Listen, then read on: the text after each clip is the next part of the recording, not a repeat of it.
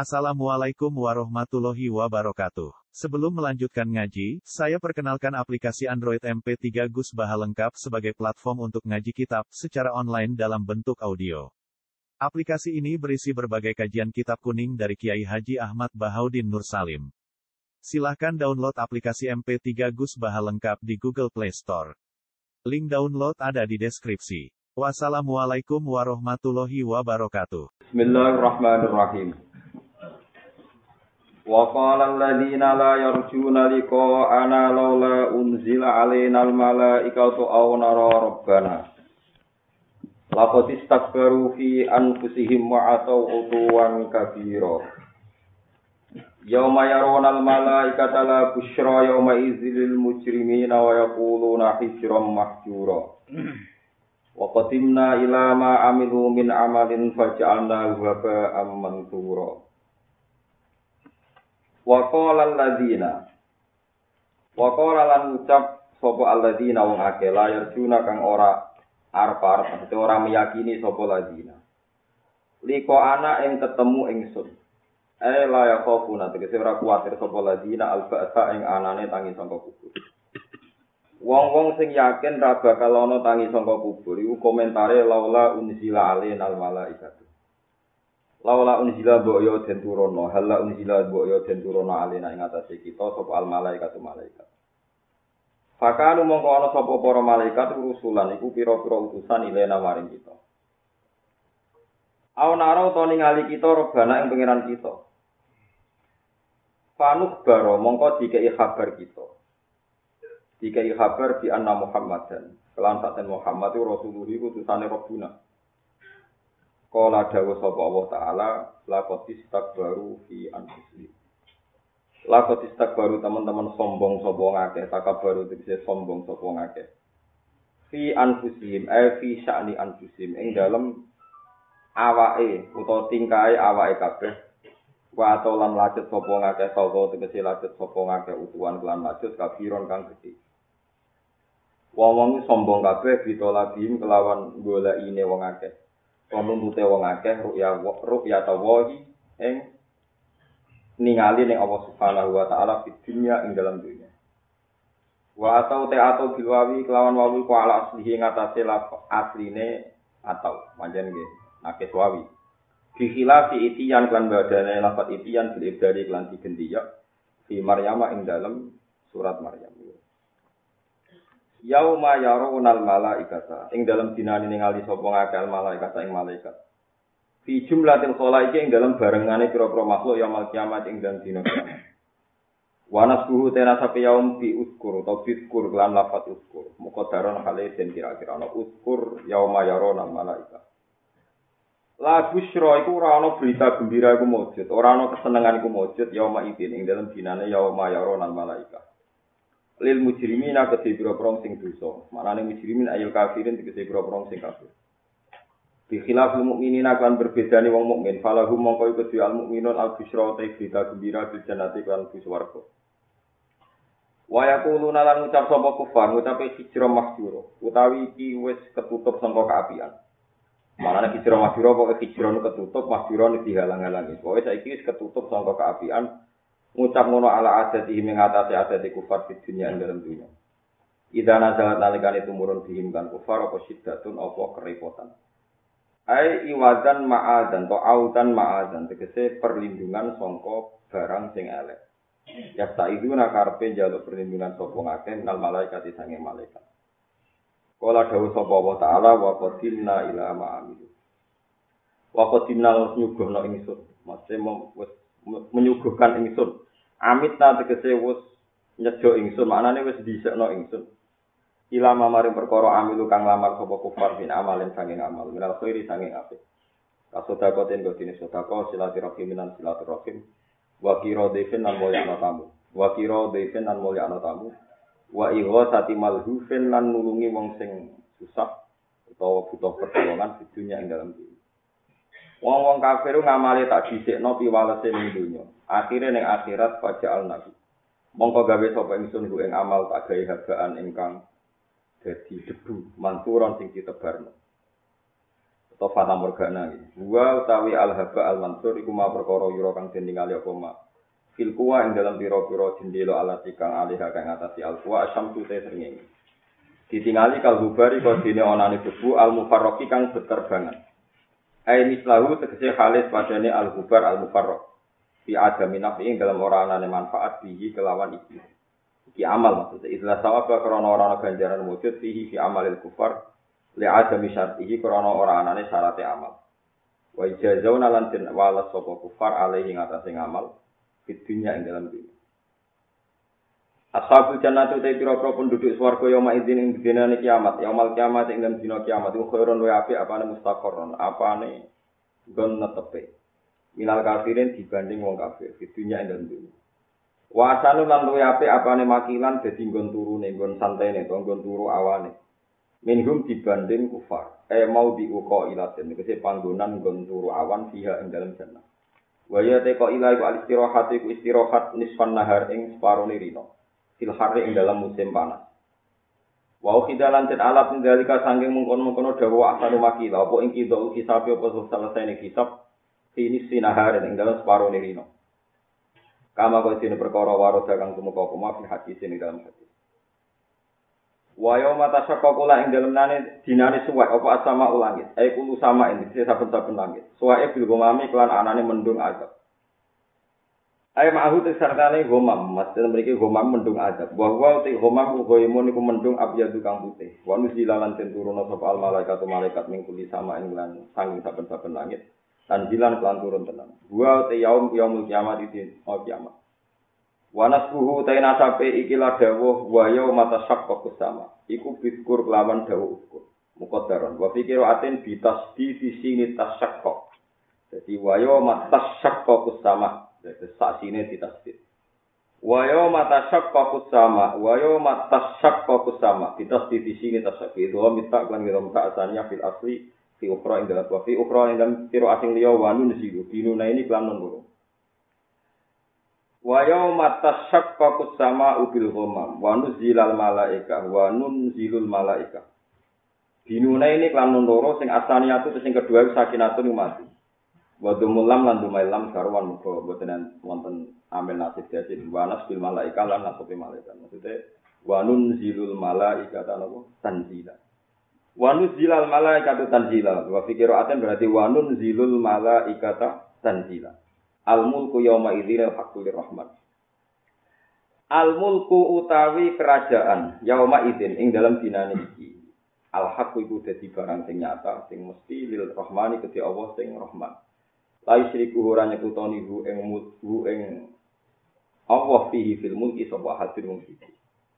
Wa kana lan ana apa yaumul dina yauman iku dina al kafirina atase kafirane iku asiran kok angel banget. Bi khilafil mukminin kan berbeda wong mukmin. Wa yauma ya'addu dzalimu ala yadihi yaqulu ya laitani takhadtu ma'ar rasuli sabila. Ya wailata laitani lam attakhid fulanan khalila. Pun kula terangaken iki terus niki nunjukno nak agama nggih agama nggih agama niku ya agama. Agama niku gadah khayal. Terus agama mulai zaman Nabi Adam ngantos sama ngantos jimben dugi kiamat. Niku wonten khayal. Khayal niku jenenge padha tapi cara keyakinan boten padha. Misalnya ngeten. Keyakinan yang Islam kanjeng Nabi Muhammad diutus lewat malaikat sinten? Jibril. Tapi wong kafir ora kurang pasal. Yo nak pancen tenan ana malaikat yo malaikat iku muncul. muncul ketok di permukaan terus ngumumno nak Muhammad itu resmi utusane Jawa gak kurang ajar lah kok distak baru fi anfusi wa atau utuwa katiro utawa awana robana manjen pangeran muncul di permukaan terus ngumumno nak Muhammad itu rasul nak ora yo aku ora ngandel saya Muhammad bodoh nih iku jari tiang-tiang nopo kafir jadi nak cara istilah tenggene surat Isra autus kita sama kama ja'am ta'alina kitaban Au ta'tiya billahi wal malaikati qabil. Au yakuna laka baitum min zukhrufin au tarqa bersama. Walan nu'mina li ruqiyika hatta tunazzila alaina kitaban nakro. Ingatan ya rumah nongis, terus sampean benak jadi kiai, jadi wong soleh itu ora kagetan. Tiang-tiang kafir percaya anane Allah Subhanahu wa taala. Yo yakin tenan nek tinggal langit bumi kok. Cuma ketika Allah milih Rasul Muhammad, mereka janggal dan ingin memastikan nak Rasul itu diumumno pangeran dewi. Itu disebut nama al ta'tiyah billahi wal malaikati qabila. Jadi kaji Nabi diapit Allah, misalnya kanane Allah, kirine malaikat, terus dimaklumatno untuk SK nak dekne ku utusane Allah kudu di atas materai. Lho iya yang kafir wis pinter. Wan walan nu'mina li ruqiyika hatta tunazzila alina kitaban. Jadi Muhammad kan terbang ning langit. Ora kok sekedar terbang medun nggawa kertas berstempel resmi nak dekne Rasul. Jadi wong kafir ya mati mulai ini berengkel tapi mati. Wis maju ne walan mukmina aliruqika hatta tunzila alaina kitaban nakro. Terus kanjeng Nabi kan jauh teng pangeran ku subhana rabbi hal kuntu illa basyara Mulane dari sini ulama itu ngambil hujah. Kebenarannya kanjeng Nabi Muhammad Sallallahu Alaihi Wasallam, iku sing paling roh iku ulama. Carane piye? Kudu anti keramat. Keramat itu ono tapi kudu mbok anteni. Perkarane nak setiap kebenaran iku butuh amrun kharikun lil adat. Irungono ya, nak sampean menggal menggal kata-kata kula dadi ruwet. Kula baleni malih. Kuwe nak kepengin bela Kanjeng Nabi Muhammad iku nganggo manhajul ulama. Carane piye? Agama lu mbok bela mbek akal sehat. Aja mbok bela mbek keramat. Keramat iku amrun kharikun lil adat. Barang sing nyulayani nopo? ada. Iku nak digawa nabi disebut mukjizat, nak digawa wali disebut nopo keramat. Mergo nak mbok bela mbek keramat, iku wong kafir malah nuntute aneh-aneh. Iku Kanjeng Nabi kon teko bareng malaikat utawa bareng Allah terus dimaklumatkan, diiklankan bahwa beliau itu roh. Itu kan tidak mungkin terjadi. Siji Allah ra iso didelok ning dunya. Utawa malaikat yo ora kena didelok. Ora kena didelok ngeten nak dawuhe pangeran. Walau ja'alna malakal la ja'alna rajulan wala labasna alaihim ma yalbis. Dawuhe pangeran niki rumakno iki pentingnya akal. Umpama Allah mengutus malaikat jadi rasul utawa rasul itu sangka jenis malaikat misalnya Jibril. Engkau Jibril yo mendo jadi manusia. Kalau balik ini Umpama Allah mengutus Jibril itu yo tetap mendo manusia. Mbok dadi kaya rukin ra gelem Jibril. Pokoke dadi Maksudnya malaikat Jibril itu gengsi kan maksudnya kan ya ora gelem. Karena semua ahli hadis sepakat Jibril itu nak mendo sahabat itu mendo dihyah al-kalabi. Ya, sinten mendo dihyah. Kok ganteng-gantengnya sahabat itu dihyah al-kalabi. Tak satu pun tareh sing nyejarana Jibril mendo Bilal, paham? Dari sapa Jibril gak dina apa? Kabeh riwayat tuh nyeritakno nak Jibril mendo sinten? Dihya kalau. Kungguan dengan ini sahabat sinten dihya. Orang ana sejarah Jibril mendo sinten? Bila. Nah, contoh wong saleh iku ora gelem mulai rugen mergo meneh. Mon. Lah anak mendo wong, mendo kaya dihya utawa kaya wong kok wong darani Jibril yo menungso. Walau ja'alna rajulal walau Ja'alna nopo malakan. Jadi la ja'alna nopo rasulan. Nah sampean tangklet, yo ora Gus maksude ku Jibril sesuai bentuk asli ini, entek bumi. Jibril itu bentuk asli ini, ini ku nak diceblok teng bumi, bumi ra kuat muat. Jadi sirai Jibril yang langit, sikile ning bumi, bumi ku ra kuat. Lah nak ngono ora sida ana nabi, ora sida ana wong kafir, mergo Kanjeng Nabi ora wis nabi, top-tope makhluke Allah. Niku roh Jibril ketempat. Kau Nabi nanti kepengen roh Jibril bentuk asli ini. Jibril dilingno. Ya Muhammad inna kala tutiku dalik. Kowe ora bakal mampu. Ora, aku penasaran aku kancamu ora tau roh bentuk asli. Sampai tiga kali. Bareng Jibril pemanasan, tangannya dicekel langit. Sikile ku nembus bumi. Kanjeng Nabi ketempat. Berarti kan belum gelem kudu koyok manusia. Nah koyok manusia didustakan yang sama. Mereka dianggap Nah tetap Jibril berarti dono Rasul Rasul dan mereka mati. Ayo bingung no, jalukane manusa iku bingung. Lah mulane ana dewa dewi. Terus wong Cina darani dewa, wong-wong darani wong Cina wong India lho. India darani dewa Wisnu macam-macam. Pokoknya kabeh agama itu khayal dewi-dewi. Sitok darani ngene, sitok darani. Wong kafir lah istilahno ya. Unzila alinal malaika. Kita dapat kabar dari Pertanyaannya kan ini, loh, wong kafir kok roh malaikat, wong iman kok nyebut malaikat. Jadi ini dua versi dewe, malaikat itu sopo, itu dua dua versi dewe. Nah, mulanya agama itu aneh, mulanya butuh ulama. Kalau baleni malaikat. Lana agama ora iso dibela mbek keramat, kudu dibela mbek akal. Agama li kaum yakilun, li kaum ya tafakkar. Ya carane bela mbek akal piye gampang ngeten carane tak warai. Kulo Tangguh takoro bilang Anak hujatullah dari cara istilah Abdul Qadir anak hujatullah aku hujat pengiran kabeh ulama udah di hujat pengiran kesing mubasara mbek manusa ulama misalnya ngeten tak warai ya ilmu mantek sing diridani Allah Kanjeng Nabi ditantang wong kafir Mat nak kowe pancen para pangeran tenan saiki Amr bin Lu'ay Lu'ay pokoke sok mbambahi Kanjeng Nabi sing dhisik Amr bin Lu'ay sampai sak mbambahi dhisik Iku tangekno, Mas. Nah, sebut tangekno nenek moyang kita, leluhur kita tak takoi. Kowe iku rasul tenan ta ora? Bagaimana berita di alam lain di sana? Kamu itu diakui enggak sebagai nopo? Rasul. Mergo wong mati dianggap wong sing roh alam. Terus ketika kanjeng Nabi Rai so wong kafir keplok berarti Muhammad gagal. Paham ya? Ora iso mbuktekno nek ini para pangeran kabeh karepe mus. Pertanyaan cerdasnya gak ngono mestine ngene. Nak kue bela Nabi Muhammad, mestinya sing wong kafir jadi tersangkanya nih, dibales ini. Yang membuat ukuran kebenaran dengan menunggu orang mati dihidupkan itu kan Anda. Saya tidak ikut bikin ukuran itu. Oh yang bikin, yang ingin bikin Anda kok saya jadi korban. Yo tanya no dewi, yang gue ukuran itu. Paham ya? Lah wong Islam dhewe melok goblok karepe nabi kon nuruti ben ketok hebate. Lah iku ngajak goblok bareng. bareng. Ngaji saiki tak tobat no, aku cek diutek ngono marah ini, mari murtad. Artinya kan Anda terprovokasi orang kafir, kepengen Nabi menunjukkan nak para pangeran nanya wong mati. Jika kowe bareng Nabi ra iso, kok ra iso? Kan. Tapi setengah kafir. Ora usah ngono, ngene carane logika sing bener. Ngukur kebenaran dengan membangkitkan orang mati itu idenya siapa? Orang kafir kan?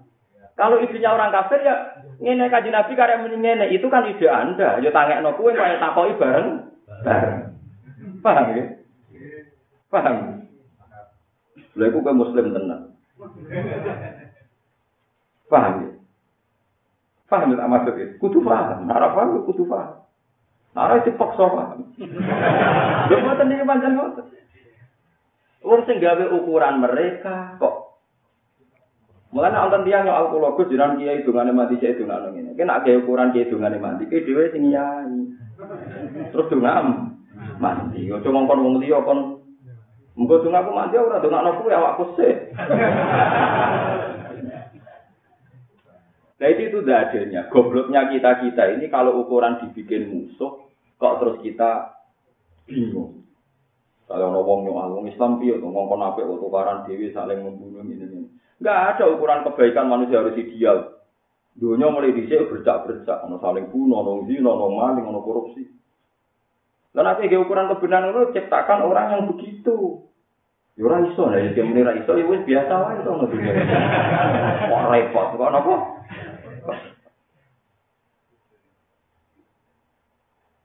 Ini kalau lebih sering disual, terus jinan kiai kalau jarang roh jinan sholat kopiah, ya sholat kopiah kesunatannya dilakoni orang ngomong ngomong liya nglakoni wis lakoni dhewe ngono ayo kok repot aku wis wong alim nglakoni alim mau kon salat kopiah kowe sing kopiah apa kowe sing alim apal bukhari malah aku kan Milah jadi, kalau ngapal bukhari be salat kopiah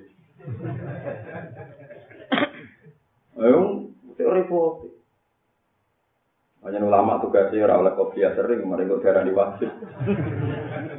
Salam kira ulama, kira untuk tugas itu. Orang untuk tugas jarang-jarang melakukan itu. Jadi zaman sahabat itu ono uang sholat duha tiap hari. diparani Abdul bin Mas'ud termasuk sahabat senior termasuk enam orang pertama Islam dimaki-maki. Kuwi nggawe syariat sapa duha kok bendino. Apa kowe ape nandingi salat fardu? Itu kan paling cepat itu seminggu bisa terus aku Dimaki-maki Abdul bin Mas'ud, mboten bahal Abdul bin Dimaki-maki.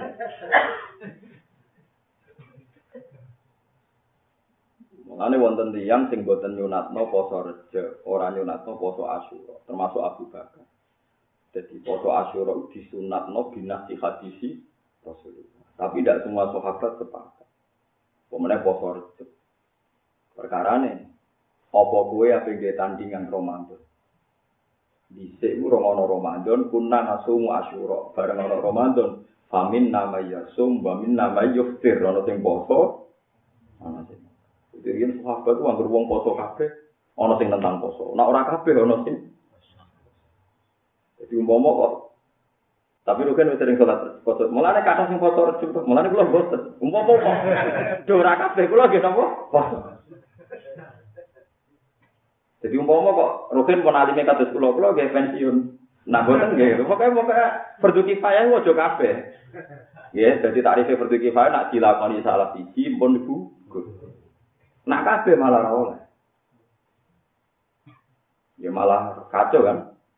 Ya kacau dong misalnya satu ono mayit mati, berarti kifayah sak desa salat jenazah kabeh. Satpam leren, bakul leren, tukang bensin leren. Wah, tukang rumah sakit yang jaga oksigen leren. Kok kabeh salat jenazah. Oh, pasten mati kabeh. ya pokoknya orang yang makoni kok kita krungu ya wis to. Sing ya ora usah berlebihan grudak Ya macam itu aturan Islam.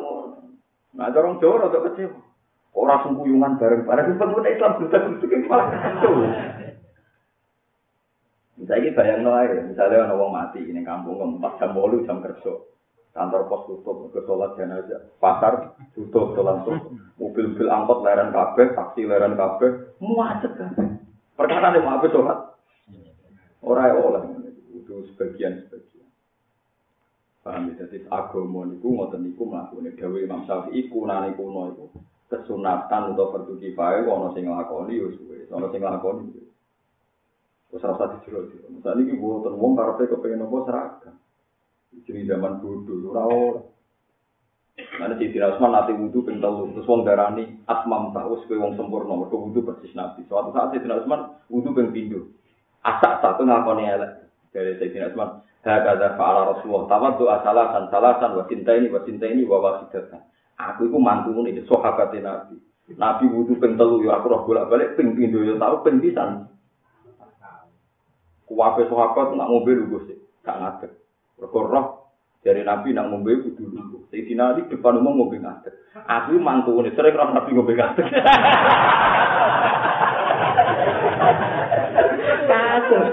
Akhirnya ulama ya Nah, kue kue kan serar, akhirnya ulama tak enak ide kan berkorok. Malah ada keunikan nak ngombe jam-jam kesunatannya nopo. Ngaten. Jadi ulama itu butuhnya juga kestabilan, dia juga nopo. Mau orang ulama sing ngombe ngatek tersangka. Baru kayak ulama, ini mau jadi bener tekstina di juara ngombe ngatek. Ya banyak juga tenang. Kesunatane dunggo tapi ngadeg yo oleh. Wudu kesunatane ping telu ping telu tapi ping loro. Mergo logikane ngaten Dewi Imam Syafi'i macam ulama yang cerdas-cerdas. ulama cerdas. Aku tak pikir cerdasnya ngaten. Misalnya wudu wajib ping telu, ya kan ya, basuh istirahat ping telu, tangan ping telu. Ketika wajib ping telu, syarat saya ping telu itu sing angka pertama itu tujuannya apa? Bagian dari tiga apa pemanasan? Pertanyaannya dari Imam Syafi'i, mau wudhu ngenteni saya ping telu, berarti yang pertama kan gak ono gunane. Kedua ya ora ono gunane. Bareng ping telu lagi ono gunane. Jadi artinya nak ping pindho kok ora sida ya ora batal. Terus gunane opo ping siji loro ini? Lah supaya ono gunane ya siji ku anggap ngilangi per kedua kesunatan, ketiga kesunatan. Mulane kula nu nak makmum masbuk, misalnya makmum Mustafa, nek anggere Mustafa salam pertama kula ya wis ngadeg. Sajane kula ngerti ngene iku elek, sing sing apik ngenteni salam kedua. Tapi ulama kudu ono sing gelem balelo pokoknya salam pertama kudu ngadeg. Nah, kalau sering masuk, santri kulo katut kabeh imam salam pertama juga ngadeg kabeh. ya apa gue tandingan sing ngenteni salam kedua.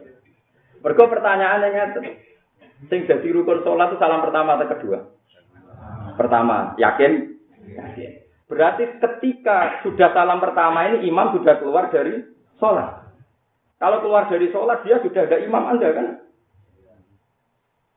Kalau sudah ada imam anda tinggal lain nggak lah apa buat ini om. Ungdik ini dia dada kok. Ya, nanti kalau balik lo nggak imam salam. Tapi jenuh semua ini cerita hukumnya. Gue ini ngilingan. Nak ngono iku hukumnya ngono iku. Tapi tentu idealnya kalau ngenteni salam. Makanya dari Imam Syafi'i nak salam pertama bar salam kok dekne ngentut. Iku gak batal, perkara ini sholatnya selesai. Tapi nak dia salam kedua malah masalah kan? Berarti dia merasa masih dalam kok sholat. Ya, hukum itu begitu ya sudah. Pero oleh protes, wong logikane jeneng. Jadi malah nak salam pertama berarti orang sudah keluar dari sholat. Berarti kan sudah ada imam kan? Berarti nak aku ijek nganggep iku imam malah keliru kan? Wong ora salat ya, Bu. Kok makmumi kan? Ayo kita aja ayo sing fanatik ngadeg bersalam kedua. Tapi aja nonton madzhab kula aja. Jadi apa? Madzhab Imam Syafi'i boten madzhab kula. Jadi kan arah aku ya bangga Imam Syafi'i. Tapi kena mbok lakoni disalahno wong akeh. Sapu wae lakoni kira melok-melok pokoke. Nah imam salam pertama itu soleh Mergo imam keluar dari salam pertama berarti sudah keluar dari nopo. Paham ya? Tapi api idealnya yang ngenteni bersalam kedua, ya hukum sapi api itu seraro. Jadi eleng-eleng kalau baleni malih. Kowe nak bela kanjeng Nabi Muhammad sallallahu alaihi wasallam niku bela nganggo akal. Carane gini iku, nak Nabi dikongkon munggah langit. Nak kowe iso munggah langit berarti Nabi ten Mergo aku roh pengumane pangeran nak kowe nabi. Yo nak saiki sing gawe ukuran wong kafir ya kon munggah dhewe ning langit. Delok berita langit Muhammad nabi tenan. Wong mereka yang bikin ukuran kok kita yang disuruh melakukan. Fair ta orang ini? Gak kan? Misalnya kalau pulau di soal, Gus Kiai kudu suka beda jadi beban wong. Ya suka enak benang bar. Kok usul toh? Misalnya kiai kudu zuhud terus gak ada duit, sesok tawakal, yo latihan dewe kue wae sing kiai. Kok malah ngongkon? Gua tuh kali misalnya rukun, wong lanang kudu dibujuk, yo lakoni sik nek iso. Nek iso yo meneng ae wae. Kok wong liya dikongkon apa? Ngapa? Lah kita ini sering dijebak oleh orang kafir, orang munafik, mereka bikin ukuran kebenaran, lalu korbannya kita. Kalau kita tidak bisa, seakan-akan yang salah, Ketika Rasulullah raiso terbang ning langit, raiso ngeduno pangeran, raiso bareng malaikat, seakan-akan Rasulullah gak rasul, mergo raiso nekano malaikat. Iku pintere tiyang nopo? Kafir. Melanjut wa makaru, makro wa makarna, makro. Jadi mengkafir senengane gawe reka. Mulane masyhur Sidina Ali nate bacok Sidina Umar. Sidina Ali cerdas-cerdas wong. Iku tahu dipermalukan tiang Yahudi. Sing ramu ya Umar kok dibacok. Pertama ada berita Mi'raj. Iku wong Yahudi nekani ning Ali. Ya Ali sing terkenal pinter. Ya Nabi sak pinter-pinter Sidina Ali kan wong waras, wong bener kan gak gelem bodoh nih. Kena wong Yahudi yo pinter yo pinter. Bodoh. Ya Ali. Apa? Jadi si kelem angkat sitok. Sidina Ali gak nyongko nek urusan Mi'raj. Ya diangkat ke Ali. Barang diangkat sitok, sitok enak. Yo ora iso blok goblok. Lah iya ngono jare kancam maksudnya Muhammad. Ngono sofi buku. Ngono kancam ngeklaim iso terbang nih. langit. Wong kowe dhewe ngono ya iso. Tidak ada kayak ada kurang ajar gitu. Tidak ada mau bisa to. Ora marem nek iso ngalar si dinani, golek isi dina Umar, ya apa diperlakukan yang sama. Mbok Umar mbok berkowali, mbok muka sapa, mbok berkira sira kelakuan Yahudi. Ya Umar, as'aluka amr. Aku apa takok kowe? Nak kowe iso jawab ya sahabat Muhammad tenan ora. Maka nak ya senteni ning kono. Dibeli Umar mlebu mek pedang. Pelayan deh. Umat ngerti lah kalau alim. Wong ambek wong Yahudi kok mbok jawab. Jawabane wong Yahudi ya pedang.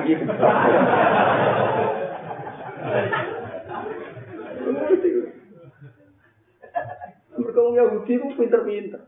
Sampai jadi asbabin nuzule wa inna sayatina la yuquna ila awliyaihim yujadilukum wa in ata'tumuhum innakum la. Wong-wong Yahudi pikirane wis setan. Dan kecerdasan antar setan ini menjadi saling melengkapi. Jadi kaji Nabi ya wongnya lugu, wong lugu. Umi maknanya ke ibu-ibuan lugu, wong soleh lugu. Buka kepengen bodoh ini, jadi nopo umi, nopo?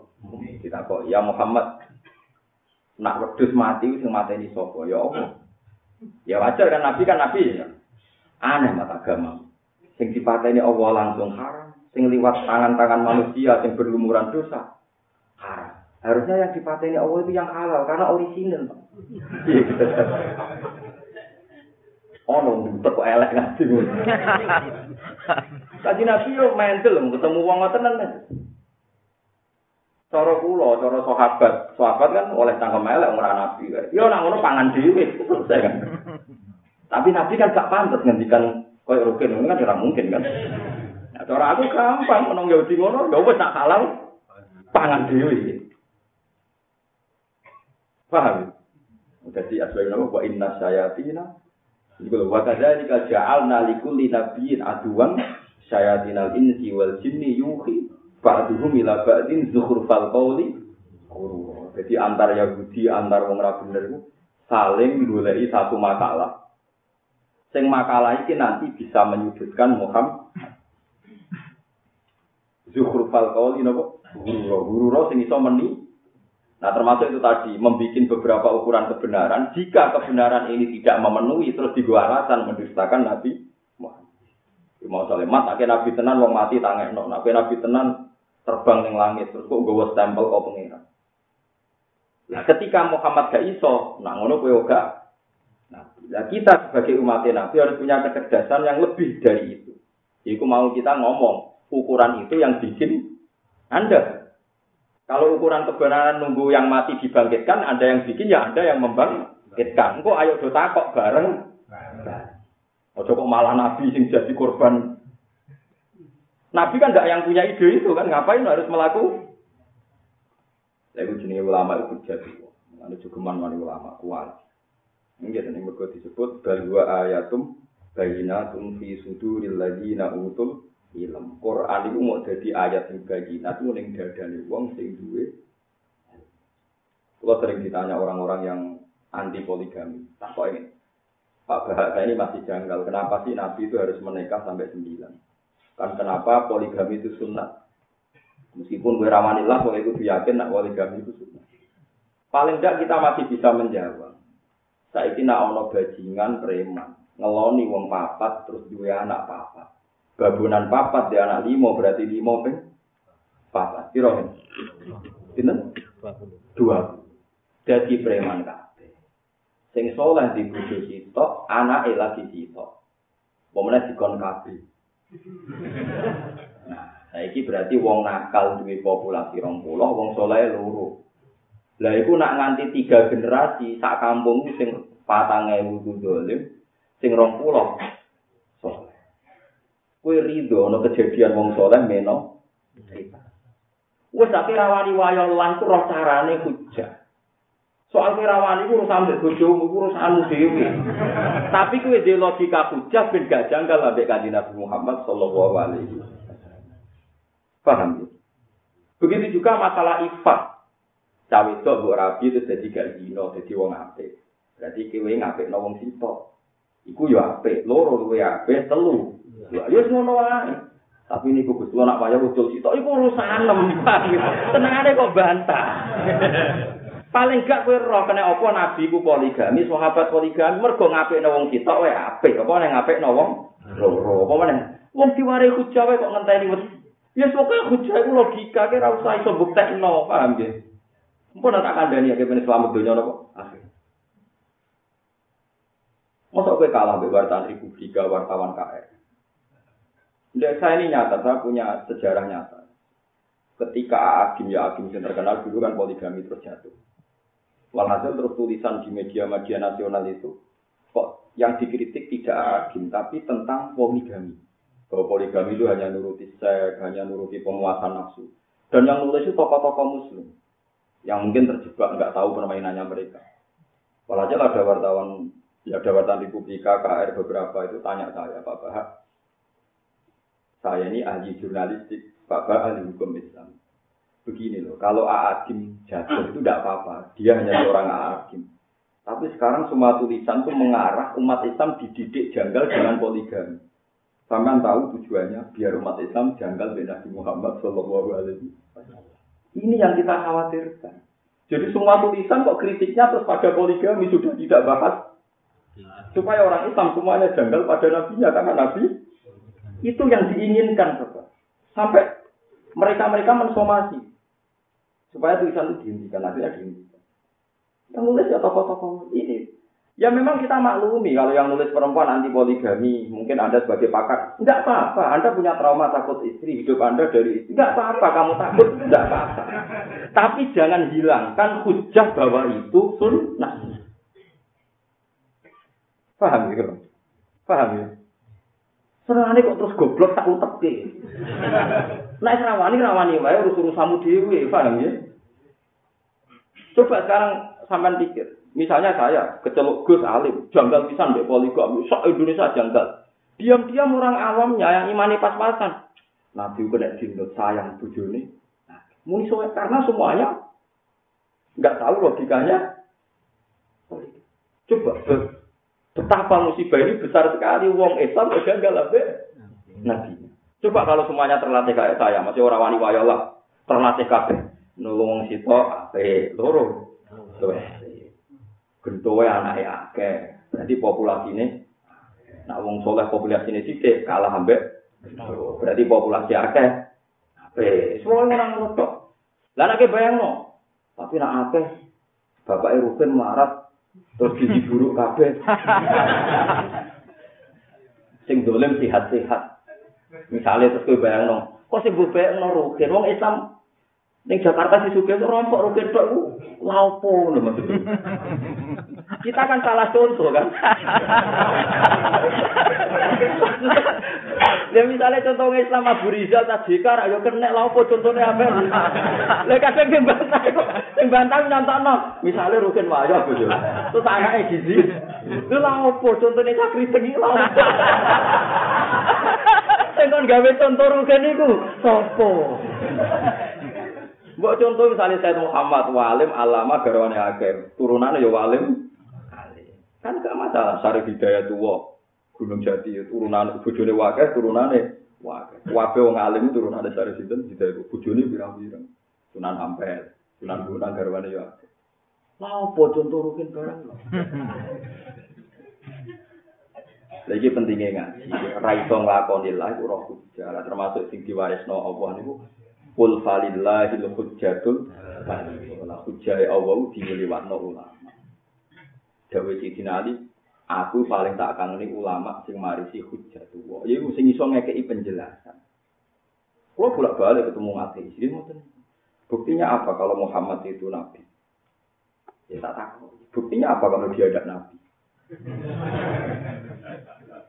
Kalau kamu janggal nggak tahu nabinya, kenapa korbannya saya harus menjelaskan Anda? Wong yang janggal Anda, hilangkan sendiri kejanggalan Anda. Kok malah saya disuruh menghilangkan? Wong kamu yang bingung kok saya disuruh hilangi kebingungan Anda.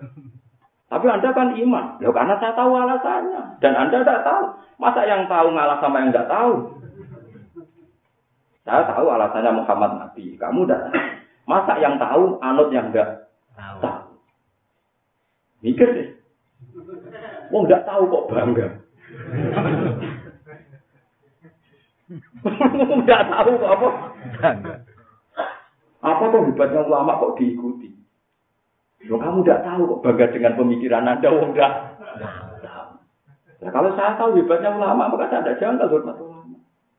Tapi saya tidak tahu, ya sudah. Tidak tahu itu sifat naksun, sifat kekurangan. Tahu itu sifat kelebihan. Masa yang tahu, anut? Tak warai ke carane, paham? Mulai kowe wiridan ndak ora wiridan cek para pangeran kula. Karena pulau mikir tenang hujat tua. Ya tenang sampai bujuk lu saat namun pulau berdek nangis dari dari. Kusinan istighore nopo no hadis yang aku gak paham. Aku maknane paham, lafati paham, tapi aku ora paham maksudnya hujai Allah itu. Tak istighore tenang nanti nangis. Pulau betul nanti nangis tadi duit. Ora koyo kowe. Wiridan dari luar kepen duwe akeh. Jadi pani pangeran kok nyaur utang. Pangeran kok pangeran ra melok gagekno BPKB kok boleh. Lu sing utang yo sapa, sing nganggo iku sapa? Kok terus pangeran mbok ora elok. Apa pangeran melok nganggo? Nah kecuali pangeran hukumnya melok nganggo bogo masjid tak digo perdamaian dunia iku oleh. Mulane gorim wong sing utang demi kebaikan oleh entuk Wong utang kan gue wetengmu, gue kepentingan, gue pak lapor apa? Pantasnya aku loh cara diutang lapor pangeran. Gue tak gue dakwah, lah utang gue gue. Jadi mulanya kujai Allah itu penting. Mereka nak kujai Allah hilang, kasih. Ojo nganggo keramat karena tidak semua orang mukmin itu bisa keramat, nganggo akal. Ya tidak semua orang mukmin bisa nopo keramat. Tapi nak akal lah anggar wong iso dilatih. Lane agama ini kaum yakilun di kaum meskipun keramat itu ada bagi orang tertentu, tapi nggak bisa karena ada semua orang bisa ada semua orang apa? Paham? Ya? Mulane itu masyur ulama dia nak debat-debat. Wong mutazilah debat apa ahli sunnah kalah yang perkara contoh turu. Menurut saya manusia itu bisa menentukan keinginannya, jika dia menciptakan keinginannya sendiri. Buktinya kepengen ngadeg-ngadeg, kepengen luguh-luguh. Ketemu ulama ahli sunnah cerdas. Ya saya ini bukti sampai ke turu terus turu. Nah, yura ya iso nah itu. Mana Allah tahu wa min ayatihi mana mukum billah gimana? Ayat kejayaan Allah malah wong iso turu. Pas karep ra iso. Pas karep iso. Piye gitu. Tapi sadari ya disuruh Mana ayat terbesar ada itu turu-turu. Ayo jajal wong paling cerdas tak dunia.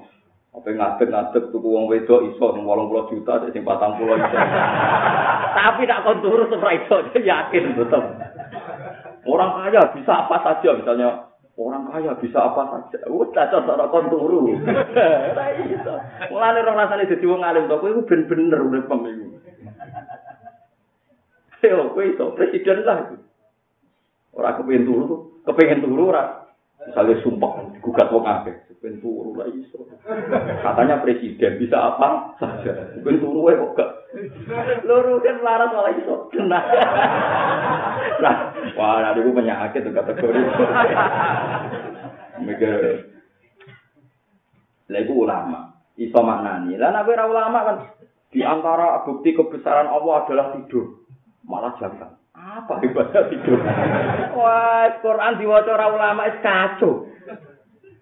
Masbut badwa ayatum bayinatum fi suduril ladina utul ilm. Quran itu menjadi ayat yang begitu jelas nyata ning dadane wong sing duwe Mulane Nabi ngendikan angkihul walu dal wadud fa inni mubahin bikumul umat. Wong nak nikah wong wedok sing manakan. Mergo aku ku bangga. Pertama kita janggal. Kalau anak akeh piye? Ya paling enggak kamu tahu, kaya apa nak populasi ini wong dolim luwih cepet. Wong dolim berdemenan ning Bantul, bariku ning Gang Bang Merah Jakarta, bariku demenan ning Aceh, bariku demenan ning Sulawesi. Anake pating jajar. Sing soleh wedi bojo anake mung sitok. Lha iku nak ping 1000 misal. Wong dolime 1000, selingkuh ping 5 rak 5000. Wong soleh 1000 wedinan kabeh. Anake mung Lah anak wong dolim kok yang dolim selingkuh meneh. Wah, populasine bermiliar-miliar kan? Paling ndak kira rawani wayo Allah roh logika iku. Wis sakit tetep rawani ku apik. Mau wis ngadu kula tak jamin itu bagus. Dia bikin masalah, paham Tapi kue roh logikane ben gak janggal mbek Kanjeng Nabi. Ini tok kepentingane ulama itu wong gak janggal mbek Nabi blok kok Pangel teman rangno kowe. Paham ya, ora wani lah ya tak jamin ya. Ya ora kuat barang nak rugi. Tapi rawayo kan kemungkinannya lho, ora wani mbek. Wah. Sono sing kuat Tapi nanti kesempatan ya. Wes cek ngono-ngono lah, pokoknya aja sampai kita didikte anti nopo poligami. Mergo wong Islam mbek kanjeng Nabi Muhammad sallallahu alaihi wasallam. Iku sing dikuatiri nopo ulama. Mun namun iku kok boten ada kepentingan. Kulo kok sampean rata kok lah tak terang. Begitu juga kulo sering ketemu santri-santri sing ra diklenek. Kepingine kiai itu duwe keramat. Jadi ben wong kafir wedi. Gua padha karo kepinginan Nabi Muhammad tuh nangekno wong mati ben ketok hebat. Iya nak ketok hebat, nak terus pikiran wong kafir, lho dibeli dikongkon gelem. Ora lara, nek dibeli terus. Wis dituruti tenan dibeli. Wong kono sama ora bener masalah. Umpama dituruti ana keajaiban ya kok dianggap sihir. Lalu lagi pentingnya ngaji ke ulama. Kulo ngerasa tak korup ilallah, jenengan gitu ngerasa tak korup ilallah. Mereka ngerti kun falillahi lahud jatuh. Jadi tujuannya ngaji, uang roh logika hukumnya Allah, sigo taslim bangga. Nah agama ini menempati akal kasta tertinggi. Paham ya? Menempati kasta akal nopo tertinggi. Ini kira usah galau, pokoknya mau nangan terpulau. Nah kepentingan dadi ahli jannah itu anak tuh. Ulama gue tidak ada kepentingan nopo-nopo. Ya saya ya butuh duit rapi sakadari, pokoknya sahur. Kita enak mangan kita pikirin ulama-ulama gitu dan kata-kata. Kita mau beli kita pun tak nopo. Wa yauma ya'addu zalimu ala yati. Wa yauma ya'addu lan ing dalam dinane nyokot sapa adzzalim wong zalim ai musyriku tegese wong musyrik. Manane ten mriki zaman niku Uqbah bin Abi Mu'ad. Wonten semoco Mu'ad wonten semoco Mu'ad. Karena ana sapa Uqbah bin Mu'ad unatoko iku ngucap sapa Uqbah bin Mu'ad bi syahadatin kelan syahadat. Jadi nate diambain mau syahadat. Sumaro ja'a mengkon uli mencabut sapa Uqbah irdoan krana muasno nyenengno li Ubay bin Khalaf. Jadi riyen antar wong kafir toleransi. Aku wis Islam, menjen Muhammad tak akoni bener tenan. Terus kancane ngeneng, bareng ngeneng, gak gak gitu Islam. Gara-gara jeneng kanca Islame tidak dicabut ya ora gara-gara toleran toleran nyongkot ala yatihi ing atase tangan lorone dolim nasman krana getun wa lan nunani fi yaumil kiamat ing dalem dina kiamat ya kulo ngucap sapa dolim ya letani duh menawa ingsun ya te ya kuwi tambi krana ya letani menawa ingsun Utai ya kuwi tambihi krana makna ngelingno tu ngalap ingsun mak rasul sertane rasul Muhammad bin Muhammad sabilan ing dalan Tori konteks dalan tinggal juga maring petunjuk. Ya welata duh sial ingsun. Alifu te alifi welata iwatun kegendenan an ya ilidofati sangi ya idofa. E walati tegese kecelakaan itu. Wa maknawi itu hal kati kerusakan ingsun. Ya ya welata letani. Menomono ingsun ulam at Orang ngalap ingsun fulanan ing fulan. Manane ubayan tegese ubay bin kholafol. Kholilan ing konco. Aku zaman ing donya kok sial. Mek konco salah. Lalu sama kudu syukur gitu, di konco ulama. Kau sekali salah teman gue repot. saingane masalah duwe api-apian merek mobil, merek HP, sesuai. Ketika ulama saingan api-apian para pangeran, salah kanca kuwi. Sesuai api-apian awal, itu tengkoto, ngono juga mau kegiatannya senam dari api-apian maju, ayo itu. Mau antara juga api-apian dari mobil, dari HP. Mau kelompok sosialita api-apian buju, mau sing aki-akian buju, waduh. Aki-akian pasangan, aki-akian buju lumayan, ono halalin, aki-akian nopo. Ngeri-ngeri. Lapot mergo salah kawan, hampir salah kawan, kita salah komunitas, akhirnya salah apa Salah nilai yang diagung-agungkan. Saya komunitas mobil kan, mau mobil mau BMW, aku Ferrari, aku Lamborghini kan begitu. Tapi nak kancaran soleh kan ciri tamang soleh itu kancaran melarat. Aku di kancol loro, di telu, aki-akian mulang, aki. Akhirnya kompetisinya kan dalam kebaik, kebaikan. Utawa tema bersama itu kok rindu be kodok kodar kesikit gitu. Oh tiga keriting yo rindu yo yo melarat yo rindu. Akhirnya cocokane cocokan apa ri? Terus akhir ono sing usul. Oh dibujuk elek yo rindu. Lah tapi nah. Ya itu pentingnya konco, agar komunitas latihan rindu ya kabeh cerita latihan apa? Rindu. Tapi nak kabeh kepingine tomak gitu. Ya tomak, ya itu melane cukup masalah nopo. Kok wong kabeh tentang akhirat Iku sebenarnya ketua mergo salah pilih teman. Eling-eling salah pilih teman. Ya lihat tadi lam atakid fulanan nopo khalila. Dua ketune apa kancanan wong iku, umpama kancanan iki ra enak. Mana juga man salah konco. Ya, pokoknya di konco permanen sing soleh, dari aneh gue pemanasan dulu, rame-rame nanti Ya, rame-rame nanti nopo. Tapi dua panutan, ya, di nopo. Lakot adol lani anit sikri, lakot adol lani anit sikri. Teman-teman nyesat no sopo fulan, fulan sing kancane di ini zaman minggu nyoni ingsun nyesat no anit sikri sangking eling Quran atau ayat Quran itu Quran. Baca ija'ali, sausnya teko Quran ini. Ai anrot gani krono iso balekno sapa Khalil ni ingsun ane iman sing iman di lan. Cek getun bu gara-gara nuruti kanca aku iman di Quran dadi ora napa i. Ya gara-gara salah kanca. Dia tenang deh, yakin dan wong salah kanca ku repot. Ola dawu sapa wa ta'ala wa kana syaitanu bil insani qadula. Wa kana lan ana sapa setan setan insani marang manusia. Kulo niku ora niki kula cerita pengalaman kula. Kula yo kathah kanca kiai.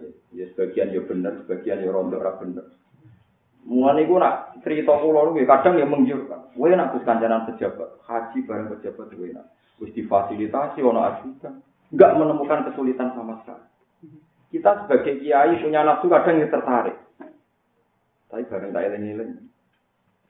Itu kalau misalnya komunitas kiai selalu bahas gitu, orang juga akan bahas gitu komunitas itu. Tapi ketika kalau ketemu tiang soleh, ketemu tiang-tiang sing tahajud, gue nak pesen kita tahajud, sore pangeran, ben mati yo ngurusi pangeran, dunia pangeran. Aku mati rabe pejabat, rabe konco. Sore dua boleh kesemu sedih loh, habis kita. Akhirnya katut, katut sing bener. Enggak kan nang wong dunia nih katut ke dunia. Ya lumayan kan ono perimbangan. Tapi kulo ngerasa, kulo sing wong ngalim ngerasa, betapa teman tuh sering menyesatkan gara-gara gitu. Gue nggak tahajud, nggak pas sampai pangeran. Gue nak beri tahajud itu katanya ngopi ini, setengah pakatnya ngopi ini. Iya, damel ya enggak. Bareng ngopi kan ngayal kan, tapi khayalku rako itu so ngayal. Nggak saya ijazahi sampai. Saya itu biasanya kalau setengah empat itu ngopi dulu terus nulis tasbih. Banyak sekali. Mungkin tulisan tasbih saya sudah berapa buku. Yang sering saya tulis itu tasbihnya Sulaiman bin Mu'tamir. Yaitu ya subhanallah bil al mizan subhanallah bil as-samawati wal ardi subhanallah bil amal khalaq subhanallah wa zinata ma khalaq subhanallah wa zinata ma huwa itu tak tulis tak hayati. Yes gitu. Akhirnya nikmat. Ketika saya nikmati itu diceritani haji be pejabat itu sudah. Ya ada anti saya. Saya ulang-ulang saya ada anti. Mungkin suatu saat saya ditekdir haji sama pejabat. Tapi saya tidak tahu apa takdir itu kelaksanaan apa enggak semoga ya enggak tahu lah pokoknya enggak tahu tapi paling enggak harus menjadi asik opo kenal pejabat. Meskipun saya ada anti. Karena saya sudah menikmati itu. Gampang, caranya kancanan ulama itu tadi. Ketika saya belajar Ihya, belajar Abu Qasim Al-Junaidi di Terangno. Gue neng gardani ibu ya dewean, besok ben neng kuburan dewean, sebenarnya ngadepi Allah dewean, kayak ngeliwati siratal mustaqim. Wedi siratal mustaqim be pangap. Ini temannya pangap. Teman pangap dia mikir ngadepi siratal Kowe iso gertak malaikat mungkar nakir. Saya temannya Pak Presiden. Malah semangat duduk.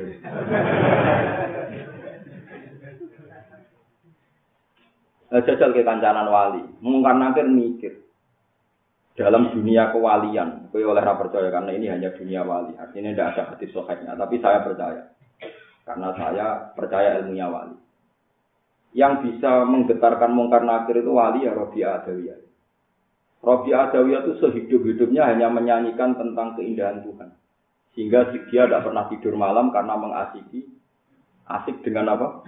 Tuhan. Agar apa ngantuk nyifati Allah hati itu ngantuk. Begitu.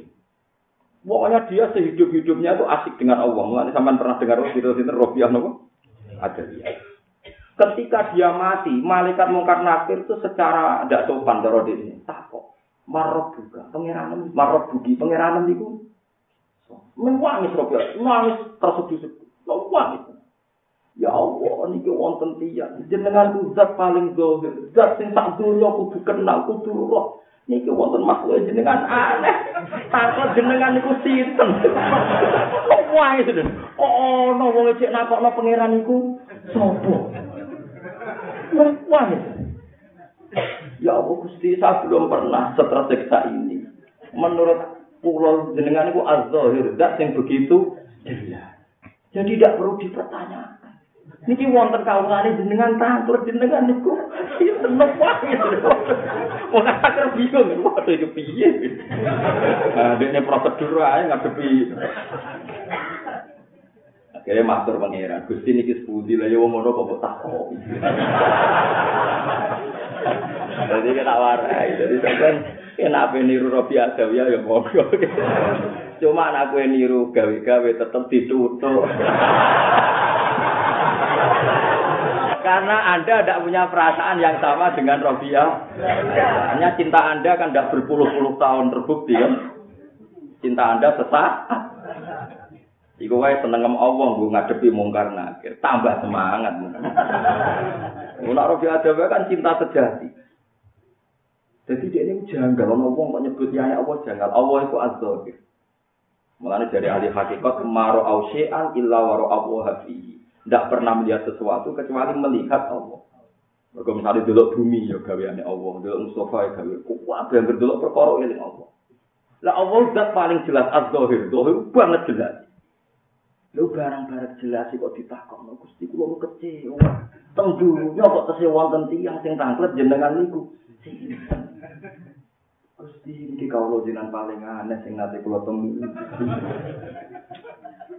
Wani iki.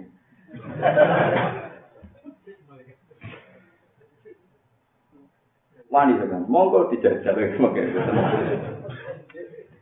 Jadi kancanan wali di pikiran wali, kancanan wong dolim akhirnya di pikiran apa? Lah nek iso kancanan yo sinau kita. Nek ora iso tak sinau, tak obral. Gampang to. Ngaji ning justru nak ngomong lho. Rasa podium kok repot. Ngaji ini bagus. Anda usah kenal kula, mungkin Karena ora sausane pangeran kira ikhlas ketemu lho di swarga kok repot sangat apa? Mungkin ada kor, jadi paham gitu. Begitu juga pikirannya Imam Sibawi. Imam Sibawi darani Allahu a'raful ma'arif, ma'rifat ma'rifate, isi ma'rifat itu lafat nopo? Allah. Mergo Allah lafat paling jelas. Akhirnya Imam Sibawi yang lebih suwargo. Baru darani Allah a'raful ma'arif. Jadi uang lebu suwargo itu baru kayak pikiran wali-wali. Disebut al-hujjah. Ini disebut apa? Al-hujjah. Oke. Mana cara ya? Kalau nu tak eleng-eleng Abdul Qasim Al-Junaidi, nak ngendikan yo lucu. Ya orang tak cangkem elek cara ngawam, tapi dia wong alim, wali ya. Jadi dia ini orang percaya orang di pangeran. Misalnya Mustafa kan menang di pangeran, yo nangis, jadi rokok, nangis. Baru mangan yang dah.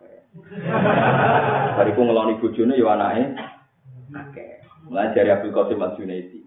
Hada khawfi minka. Hada amni bi hada amni minka ma'al khawfi minka. Fakifa amni minka ma'al amni minka. Kowe eling. Maksudnya ngaten iki. Hada amni minka ma'al khawfi minka. Lho kula teng donya ora munamuni wedi jenengan ya Gusti, tapi waya mangan. Ayo jajal wong sing istighosani. Dilingno dosane luwih kabeh. Bariku ngetek sego. Wes ora usah munafik, itu biasa mah buat niku mboten F kok. Paham? Istighfar diling no dosa, nuwang ya kabeh. Bariku disukui mangan tek to. Iku ora F, saya ulang-ulang, ora F lho, mboten celok. Ya tak ya tak. Iku daya kesen cek inane Gusti, kula munamuni wedi jenengan ternyata nak mangan yo entek akeh, yo duwe anak akeh, yo macam-macam. Lu munamuni wedi kok sing kenikmatan jalan Fakai fa amni minka ma'al amni minka. Fakai fa farohi bika ma'al amni minka. Jadi hada farohi bika ma'al khawfi minka. Fakai fa farohi bika ma'al amni minka. Nak teng donya kula ora jelas mlebu swargane, mongan mangan. Kowe agak jelas swargane to, Tapi wae mangan, mangan. Wae kelon ya kelon. Wae guyon. Tapi tetep munamuni wedi. Wedi neraka, wedi pangeran. Ayo sing ngaji ning kene kabeh wedi kabeh pangeran, wedi to? Wedi neraka. Mangane jalan tak mandek. Kelone jalan tak mandek. Gusti, lha niku sing mari termasuk Abdul Qasim Majune di para pengira. Gusti cek rahmane jenengan, medekno kula kabeh ten neraka, tapi kula tetep iso nikmati nikmati jenengan ten dunya, iso mangan iso ngombe. Kaya napa nikmati swarga, iso ana jaminan aman saking azabe jenengan. Mulane nikmat jadi swarga mergo nikmati plus ada pengumuman tidak akan lagi ono bendune Allah Subhanahu. Tapi dasar wong swarga, swarga yo ana raisane. Wong manusa. Madarani goblok walat yang ahli swarga bareng goblok. Ahli swarga niku ora ampun untuk bojo kakak. Mergo sebagian ning dunya rawani wayah wong dadi mengke terus. kan jare wong lanang sitok untuk widadari bro. Bro. Satu bro. Bro. Pitung puluh jadi Mustafa. Dia cita-citanya pitung puluh. Tawangannya khusyuk ini, ini cita-citanya. Jadi gaya tok, dan ya itu gaya tok. Tetap cita-citanya ngeloni umroh. Tapi terus kalau yang pitung puluh, mesti semangat-mangan. Ono pengumuman kok pangeran, ya ahlal jannah. Apa kamu itu punya permintaan? Ibu ahli jannah mulai iso mikir ya Robbi, saya itu mau minta apa lagi?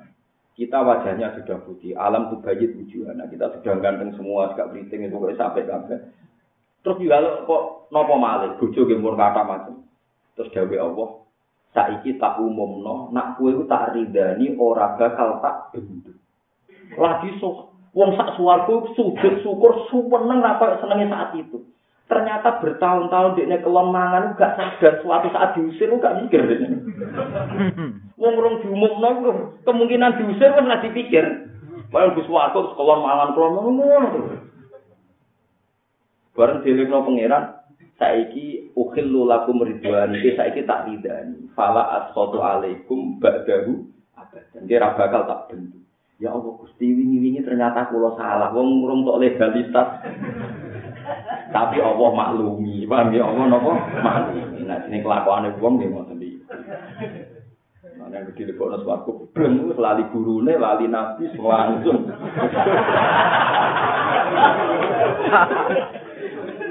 Wes langsung. Parah. Mulane masyhur ning dunia kewalian niku nang kitab-kitab wali kados teng Arisalah Al-Kusyairiyah, teng kitab Hikam, Abdul Qasim Al Junaidi wali-wali suan pangeran dipimpin kanjeng Nabi. Kita kok ya antar wali tak kok. Sim, mereka. Abu Yazid sim, nanti umatem kok dhewean. Iya sih, padahal wong sing senang aku kudu mlebu swarga. Terus Allah dawuh, umatem iku ngibadah be aku yang kepen mlebu swarga sing penuh widadari di pakanan. Hum mereka yang pawon di swarga iku do mangan. Lah anak kuwe kekasihku mergo cita jam di swarga kepen ketemu aku yo ben ning kene. Ya, tapi kan sesuai rencana, memang inginnya itu ya sudah.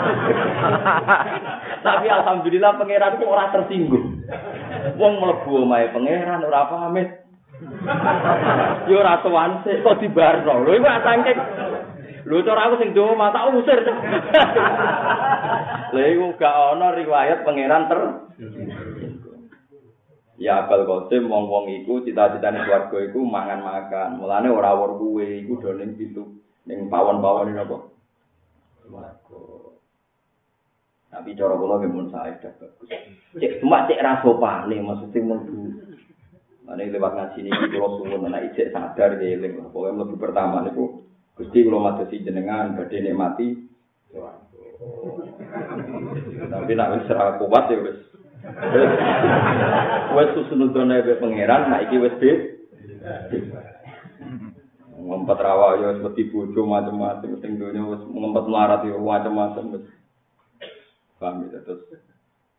Mlebu swarga ya kelas-kelas. Ini cuma nggih wau kula pesen.